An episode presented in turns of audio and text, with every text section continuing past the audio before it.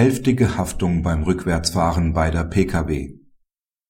Verstoßen beide Fahrzeugführer beim Rückwärtsfahren auf einem Parkplatz gegen § 9 Absatz 5 StVO, ist eine hälftige Teilung der Haftung angemessen.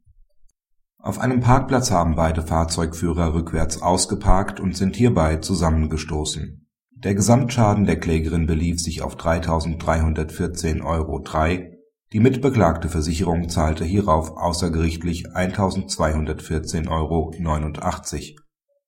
Mit der Klage verfolgte die Klägerin den Restbetrag. Das Amtsgericht hat die Beklagten zur Zahlung des restlichen Sachschadens verurteilt. Nach dem Ergebnis der Beweisaufnahme war es davon überzeugt, dass das klägerische Fahrzeug bereits gestanden hat, als es zur Kollision kam. Daher würde die Beklagte alleine haften gegen diese Beweiswürdigung wandten sich die Beklagten mit der Berufung. Das Landgericht gab der Berufung überwiegend Recht. Nicht entscheidend sei laut Landgericht, ob ein Fahrzeug unmittelbar und kurz vor der Kollision noch zum Stillstand gekommen ist. Die mit der Rückwärtsfahrt typischerweise verbundenen Gefahren, die den Fahrzeugführer dazu verpflichten, eine Gefährdung anderer Verkehrsteilnehmer auszuschließen, enden nicht sogleich mit dem Stillstand des Fahrzeugs.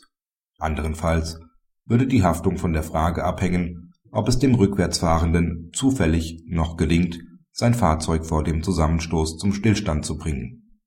Es reicht aus, wenn sich die Kollision in einem räumlichen und zeitlichen Zusammenhang zu der Rückwärtsfahrt ereignet hat.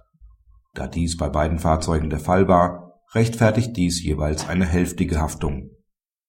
Den Nachweis, dass das Fahrzeug bereits einige Zeit gestanden hat, als es zur Kollision kam, konnte die Klägerin nicht führen Praxishinweis: Das Urteil ist richtig.